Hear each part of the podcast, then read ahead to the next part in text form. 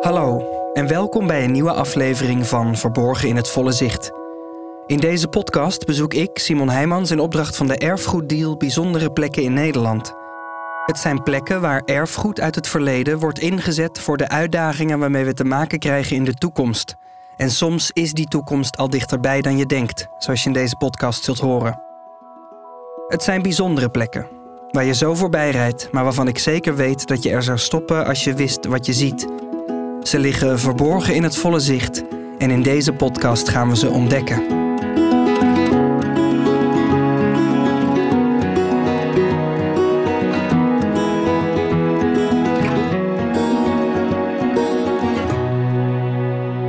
Deze keer bezoek ik het project Greppelland. Ja, uh, dat gaat over het project Greppelland Friesland. Je hoort Edwin van het programmabureau van de Erfgoeddeal. Hij heeft voor ons de basics van dit project. Uh, Greppelland, het dekt ook meteen helemaal de lading. Greppelland, dat zijn laaggelegen uh, weilanden waar heel veel greppels in voorkomen. Ja, ik bedoel, de naam is niet, niet veel meer dan dat. En greppels die kun je vergelijken met sloten. Sloten zijn in de regel breder. En dan tussen de sloten hebben ze bij Greppelland wat uh, smallere greppeltjes gemaakt. Aangelegd in de loop der eeuwen om het water, natuurlijk zeker in laaggelegen gronden, veelvuldig voorkomt, op een eenvoudige manier makkelijk te kunnen afvoeren. En vandaar dus de naam Greppelland. Het Greppelland gaat al terug tot de late middeleeuwen. Maar door de jaren heen is het steeds aan verandering onderhevig geweest. En dat wil niet zeggen dat het gebied dan sindsdien helemaal niet veranderd is. Want ja, allerlei onderzoek heeft intussen wel aangewezen dat daar best wel dynamiek is geweest. Zeker de veengronden, die lagen in de middeleeuwen toch wel enkele meters waarschijnlijk hoger dan ze nu liggen.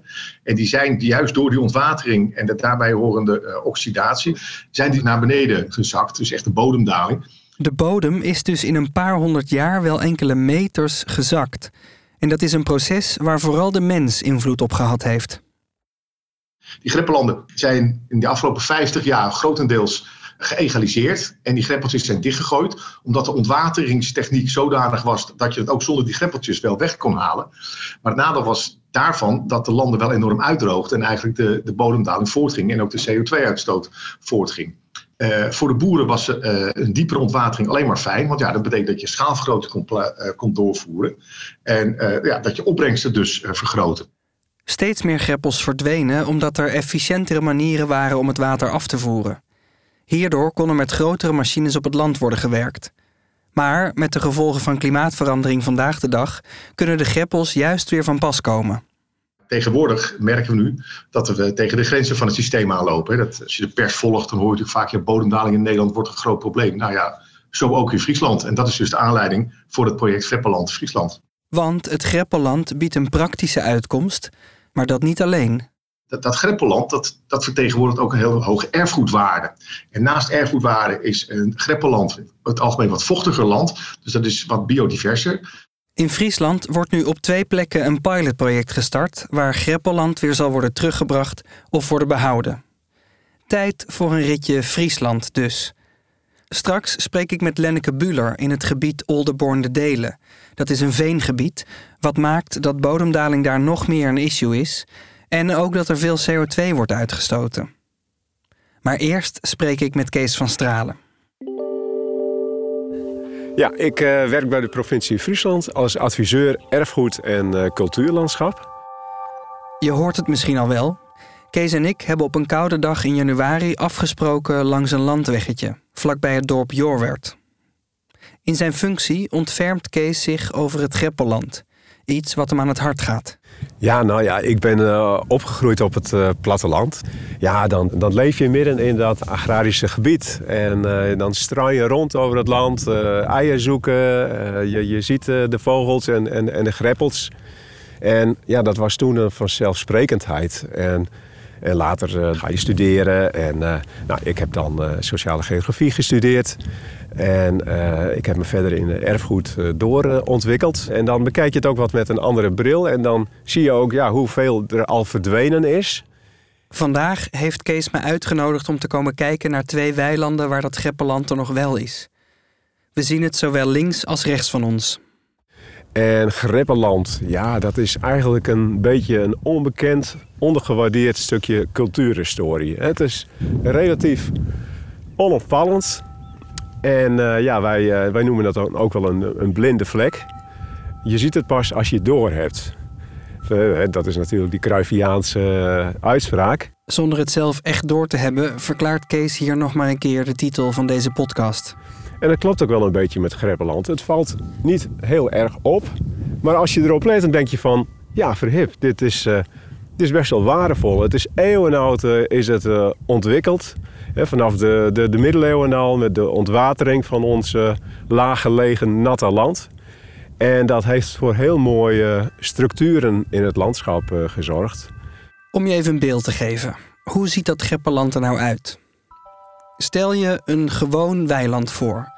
Maar dan lopen er in de lengte om de paar meter ondiepe slootjes doorheen. De greppels. En die lopen niet helemaal door tot het begin of het einde van het weiland. Ze sluiten boven de grond dus niet aan op de sloot die er omheen loopt. Uh, daar zit meestal een, een buisje zit daar dan uh, in. En, en van oudsher werkte men wel met aardewerken buisjes. En later zijn er ook kunststofbuisjes gekomen. Door die buisjes stroomt het water dan het laatste stukje van de greppel naar de sloot. Tussen de greppels bolt de aarde steeds een beetje op, als een soort zachte kussens. Ja, dat is kenmerkend dat het dat ze bolvormig zijn uh, aangelegd tussen de greppels. En dat kun je ook wel zien hier. En uh, ja, dat is gedaan uh, natuurlijk vanuit, destijds vanuit de landbouw om ja, een goede drooglegging te krijgen. Dat het mooi netjes zo afwatert naar, naar de greppels ja. toe. Kijkend naar dit greppelland moet ik steeds denken aan boter... waar met een mes een perfecte krul uit is gehaald. Wat er dan achterblijft, dat lijkt op greppelland... Het greppelland is soms al eeuwen oud en was zeker in de eerste eeuwen dat het werd gebruikt heel handig. Maar ja, toen waren er natuurlijk geen trekkers. En uh, ja, dat greppelsysteem dat heeft zich steeds verder doorontwikkeld vanaf de middeleeuwen tot de modernere tijd. En daardoor zie je ook hele verschillende ja, greppelsystemen. Ja, want met de ruilverkaveling en met de komst van grotere landbouwmachines kwam er behoefte aan een andere manier van ontwateren. En uh, ja, nou ja, de mechanisatie heeft er nu uh, voor gezorgd dus dat, uh, ja, dat die greppels eigenlijk niet meer nodig zijn, agrarisch technisch gezien. Water kon dus steeds beter worden afgevoerd. En dat gebeurde ook. Hoe lager het grondwaterpeil, hoe steviger het land was en dus hoe meer het geschikt was voor grote machines en massaproductie. Maar dat blijkt op de lange termijn niet houdbaar. Ja, we zitten nu op een kantelpunt in, in het landelijk gebied met de grote opgaven die uh, nu uh, op ons afkomen. En ja, die ouderwetse greppels, die, die, die blijken nu opeens een, eh, een oplossing te kunnen zijn voor, voor die nieuwe opgaven uh, voor het landelijk gebied. Dat was zo gek nog niet. Ze, ze raken weer modern eigenlijk. Dat komt omdat steeds meer duidelijk wordt dat het alleen maar zo snel mogelijk afvoeren van water niet het beste is voor ons land. Het Greppelland kan worden ingezet om dit gebied weer klimaatadaptief te maken, zodat het klaar is voor de veranderingen die de komende jaren op ons af blijven komen. Ja, de klimaatadaptatie. Nou ja, we hebben uh, zowel uh, te maken met verdroging als te veel water. De grotere extremen die uh, klimaatverandering veroorzaakt. Ja, die greppels die kunnen ervoor zorgen dat landbouwgrond in tijden van droogte natter blijft. En in tijden van ja, extreme regenval, dan zorgt het natuurlijk ook voor een betere afvoer van water. Kees zegt hier het volgende. Bij momenten van grote droogte zou je willen dat we juist meer water hadden kunnen vasthouden op momenten dat het veel regende. Maar als het dan hard regent, wordt water juist weer niet zo makkelijk opgenomen in droge aarde en blijft het te lang als een laag op het land staan. Dan zou je dus juist weer een groot deel willen afvoeren. En bij beide kanten van die medaille kunnen de greppels gaan helpen. Maar dat is niet de enige reden om nu weer te gaan investeren in het greppelland.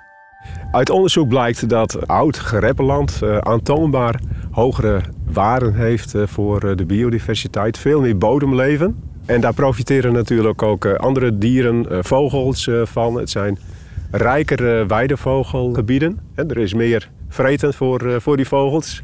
Naast de waarde die het Greppelland kan hebben voor klimaatadaptatie en biodiversiteit, ligt er ook nog een grote kans in de opslag van CO2. Om daar meer over te horen ga ik zo meteen naar het gebied Oldenborn de Delen. Maar eerst ga ik onderweg nog even op de koffie bij boer Marten. Koek erbij. En 200 koeien, is dat, is dat veel? Of is dat, Nou, we moeten wel in verhouding zien. Want ooit moest het waterpeil steeds verder omlaag voor de landbouw. En dat betekent dat het terug omhoog brengen impact zal hebben op de boeren. Marten ontvangt me hartelijk, geeft me de stevigste handdruk die ik ooit heb gehad. En dan gaan we zitten in de publieksontvangstruimte van zijn boerderij. Het is een melkveehouderij waar hij samenwerkt met zijn vrouw en twee kinderen. Ja, Waar toe- is de toe- jeugd? Nee, 23 en 20. Ah ja. Die kun- kunnen wij een beetje toekijken. De jongste zitten op school, maar de oudste, de, de, de, de dochter zit bij een maatschap Els. Ja. En Ultje, de zoon, komt straks, die zit er ook bij in. En die moet nog van school af, dus Ja. die moet nog heel veel doen. Maar dat doet hij wel, zegt hij. Dus, eh, De ruimte waar we zitten heeft aan twee zijden glas, van de grond tot aan het plafond over de hele breedte, waardoor we over Martens weilanden kunnen uitkijken. Een deel van de weilanden die we hier zien liggen is teruggebracht tot Greppelland. We hebben oud Greppeland. we hebben ook eh, land weer in cultuur van Greppeland gebracht. Maar dan kun je wel dus de akkers aanpassen. Met eh 30 meter breed, wat machines van nu. Nou, en je kunt ook de greppels dieper maken. Dus dat je kunt spelen met water. In het voorjaar kun je water inlaten voor de weidevogels. En aan de achterkant kun je het weer uitlaten na, de, na die periode. Zeg maar wanneer de kuikens zijn uitgevlogen, richting juli, dan kun je het water er weer uit doen. Het moet slierten. Hè? Greppels moeten een beetje met de pijl heen en weer gaan. En het moet wat slierten. Het moet een beetje eh, niet te strak zijn allemaal. Maar er staat er misschien wel eh, anderhalf, twee meter water in die greppels. Als Marten erover vertelt, wordt het werken met het water en het land bijna tastbaar. Het wordt me duidelijk dat alles wat ik hier zie niet toevallig zo gegroeid is, maar allemaal door hem zo beheerd wordt. Achter die hekken daar, daar hebben we de percelen weer opnieuw in cultuur gebracht. En dat kan bij ons ook heel goed. Niet in ieder geval is gelijk. Het terug in cultuur brengen van Greppelland was ook voor Marten een hele omslag. Het gaat in tegen alles wat hij leerde op de landbouwschool, in een tijd dat het afvoeren van water het hoogste goed was. Maar ook hij ziet op die tastbare manier van hem de klimaatverandering in de praktijk. Nou, uiteindelijk denk ik wel eens dat het ons wel parten speelt. In de zin van eh, het groeiseizoen is eh, net wat langer. Dus eh, afgelopen winter hebben we 19 december pas de 25 laatste stuks jongvee binnengehaald. Eh, Dat de week voor de kerst. Dat, dat, dat gebeurde vroeger niet. Dat was in eh, oktober opstallen. De verandering van het klimaat is duidelijk voelbaar en dat betekent dat er dus ook anders met water omgegaan zal moeten worden.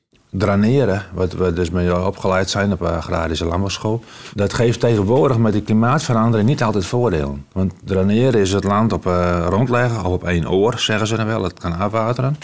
Maar die heftige buien midden in de zomer van, van 30, 40, 50 mm. Toen wij vroeger naar school fietsten, dan praten we er over 15 mm of 20. Dat was heel veel.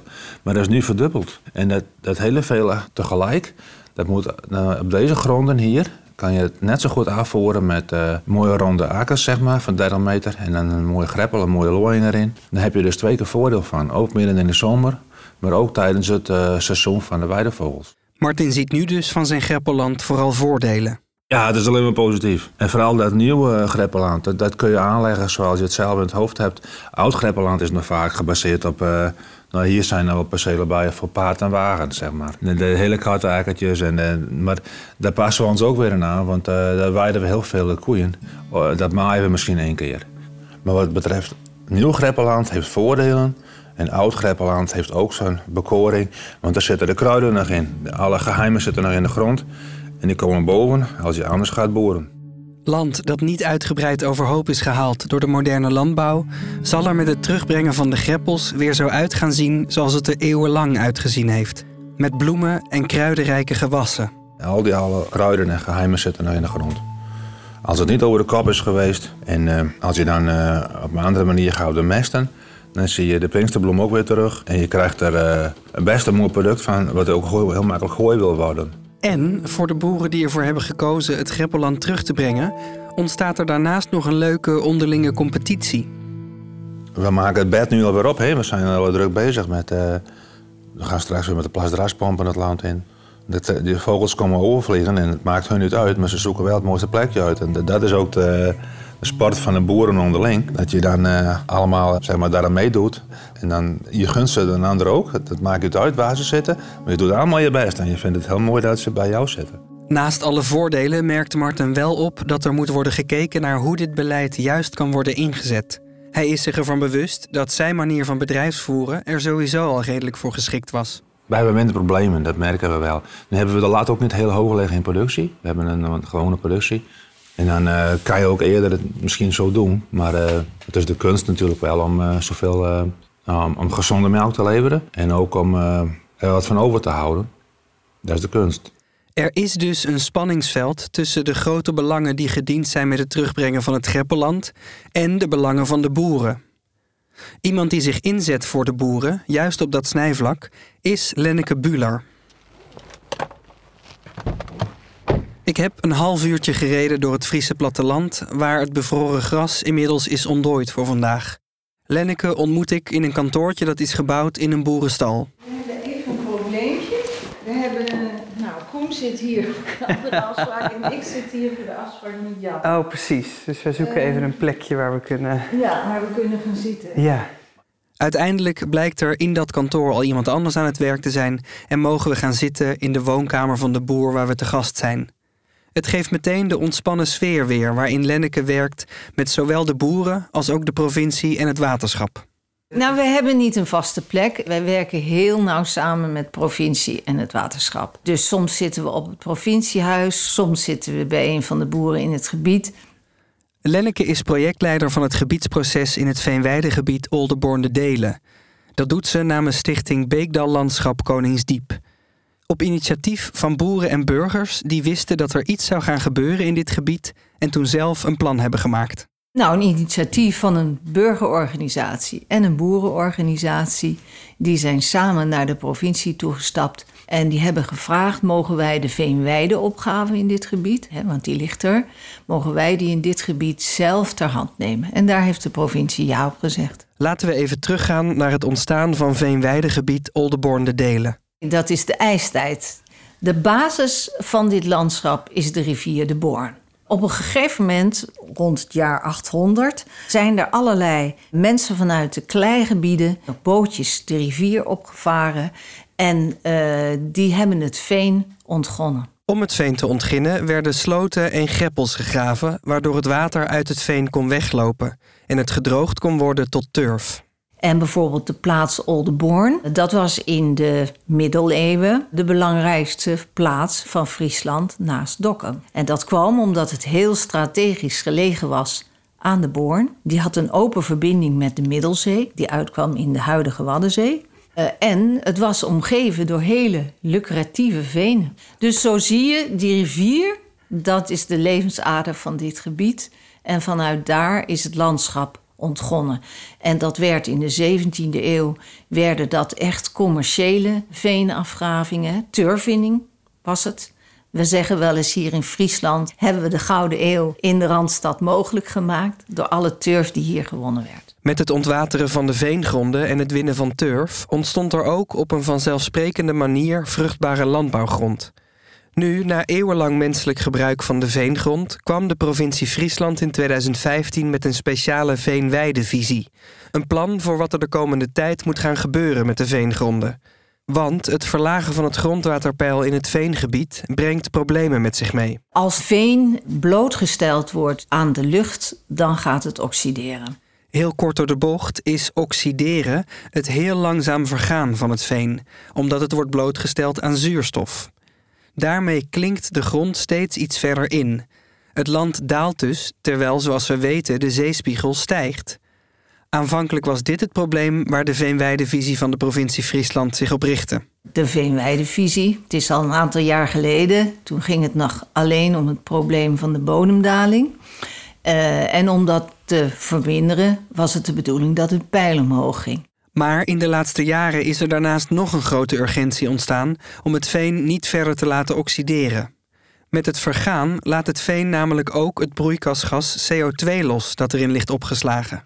En als je dus wilt dat veen dat niet doet, dan moet je eigenlijk zorgen dat het veen helemaal nat blijft.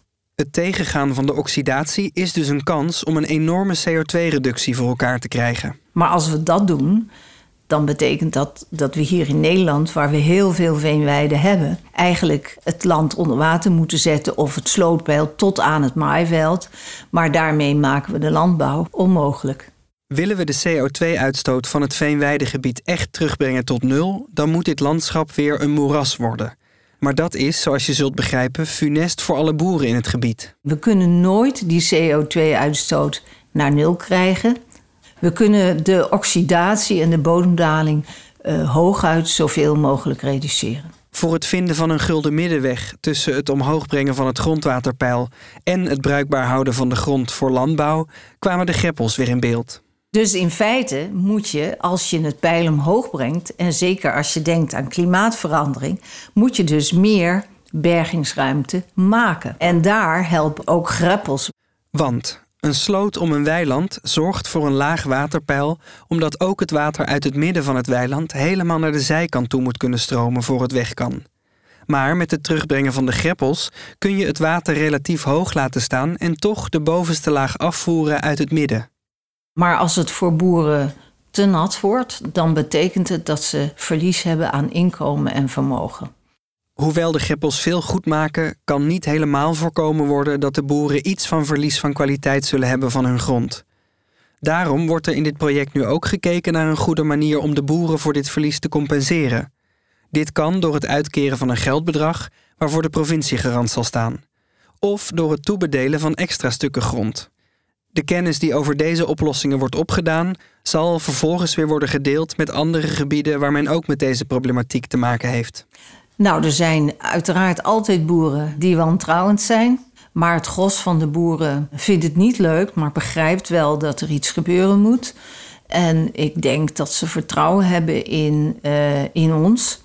Um, dat wij deze puzzel zo goed mogelijk proberen op te lossen. Het is voor iedereen wel duidelijk dat er iets moet gebeuren. En de voordelen van deze aanpak zijn groot. Het grote voordeel ervan is dat je toch die, die klimaatopgave, dat je daar wat aan doet. Deels dus door te proberen greppelland te behouden en greppelland te herstellen. Ja, er komt weer relief in het land, of je behoudt het relief in het land. Dat betekent wat voor de biodiversiteit, het betekent wat voor weidevogels, et cetera. Dus dat is allemaal weer winst. In jargon worden de greppellanden ook wel dubbeldoelgronden genoemd. Dat wil in dit geval zeggen dat grond die wordt ingezet om bodemdaling tegen te gaan, tegelijkertijd ook kansen biedt voor natuurinclusieve landbouw en ervoor zorgt dat het typisch Friese landschap behouden blijft of weer versterkt wordt. Als je iets weet van de geschiedenis van het landschap, dan ga je het veel meer zien en beleven. Dat is het leuke daarvan. Bijvoorbeeld in Oldenborn de Delen Noord hebben wij nog een stuk oud greppelland... waarin je zelfs uh, kleine kreekjes nog terug kan zien... als je de hoogtekaart ziet van de Middelzee. En uh, als je dat weet, als je dat eenmaal gezien hebt... dan is die plek ook zoveel meer waard... omdat die je verbindt met die geschiedenis. En het leuke is, in het voorjaar is daar één prachtige bloemenzee. Omdat dat grasland niet kapot is gemaakt. En zit het er vol met vogels. dus dan, ja, dan wordt het een heel rijk gegeven. Zo is het Greppelland dus vandaag de dag weer van grote waarde. En tegelijk, als je weet waar je moet kijken, als je het verhaal kent van die ondiepe greppels in de Friese weilanden, sta je erdoor in verbinding met wat er voor ons kwam. Je luisterde naar Verborgen in het Volle Zicht, een podcast van Simon Heijmans in opdracht van de Erfgoeddeal. Muziek in deze podcast is van Amir Vahidi. De audiomix wordt gedaan door Sam Huisman. Productie en aanvullende montage is in handen van Bengt Kropmans. Wil je meer weten over wat de Erfgoeddeal doet? Kijk dan op www.erfgoeddeal.nl.